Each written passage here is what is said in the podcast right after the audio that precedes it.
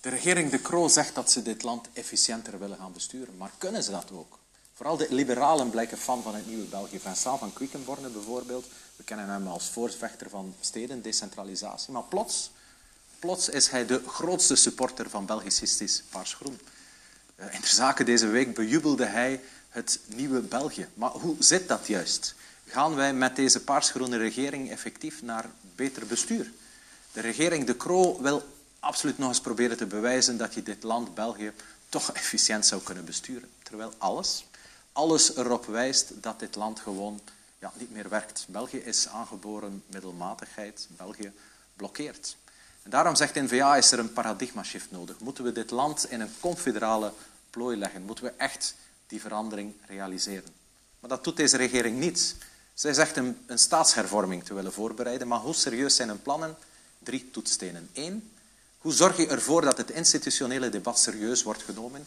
Je trekt het in de kern van uw regering, je maakt vicepremiers bevoegd. En er is goed nieuws. Dat staat ook expliciet in het regeerakkoord. Maar wat een teleurstelling. Zowel de MR, maar ook de CD&V breken die belofte. Zij maken geen vicepremier bevoegd, maar een gewone minister. Dat betekent dat het debat niet in de kern, niet in het hart van de regering zal worden gevoerd.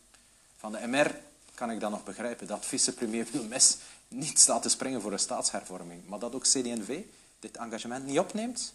Ik hoop oprecht dat dit rechtgetrokken wordt en dat zij het dossier de staatshervorming de plaats geven in de regering die het verdient. Twee, hoe garandeer je dat regeringen in dit land samenwerken? Door ministers te responsabiliseren, verantwoordelijkheid te geven, verwachten dat zij overleggen en met elkaar afstemmen. En dat was ook voorzien in de deal tussen Bart de Wever en Paul Magnet. Federale ministers zouden een dossier pas op de regering kunnen brengen nadat zij afgestemd hadden met de deelstaten. Maar die voorwaarde is niet terug te vinden in het regeerakkoord De Kroop. Ze kunnen overleggen, maar ze moeten dat niet doen en er zijn ook geen gevolgen als het niet gebeurt. Drie, deze federale regering zou eigenlijk ten dienste moeten staan van de deelstaten. Maar als ik het regeerakkoord zie, dan krijg ik de andere indruk. België en deze regering wil eigenlijk niet samenwerken met Vlaanderen. Wat wil ze wel doen? Haar paarsgroene agenda opdringen aan Vlaanderen. En zo ook de paarsgroene facturen opdringen aan de Vlamingen. Ze doet dat op alle mogelijke domeinen en zelfs op exclusief Vlaamse domeinen gaat ze zich moeien. Preventieve gezondheidszorg bijvoorbeeld, economische diplomatie, handel, de RISIF-nummers van de artsen, daar zetten wij stappen achteruit. Er is in Vlaanderen geen meerderheid voor paarsgroen, maar toch wil men proberen om via de achterdeur een paarsgroene agenda op te leggen, verpakt in mooie woorden. Komt er een serieuze grote staatshervorming? De barometer staat niet op ambiance, ze staat eerder op windstil. Maar weet je waar ik vooral teleurgesteld in ben? Ik ben teleurgesteld in de Open VLD.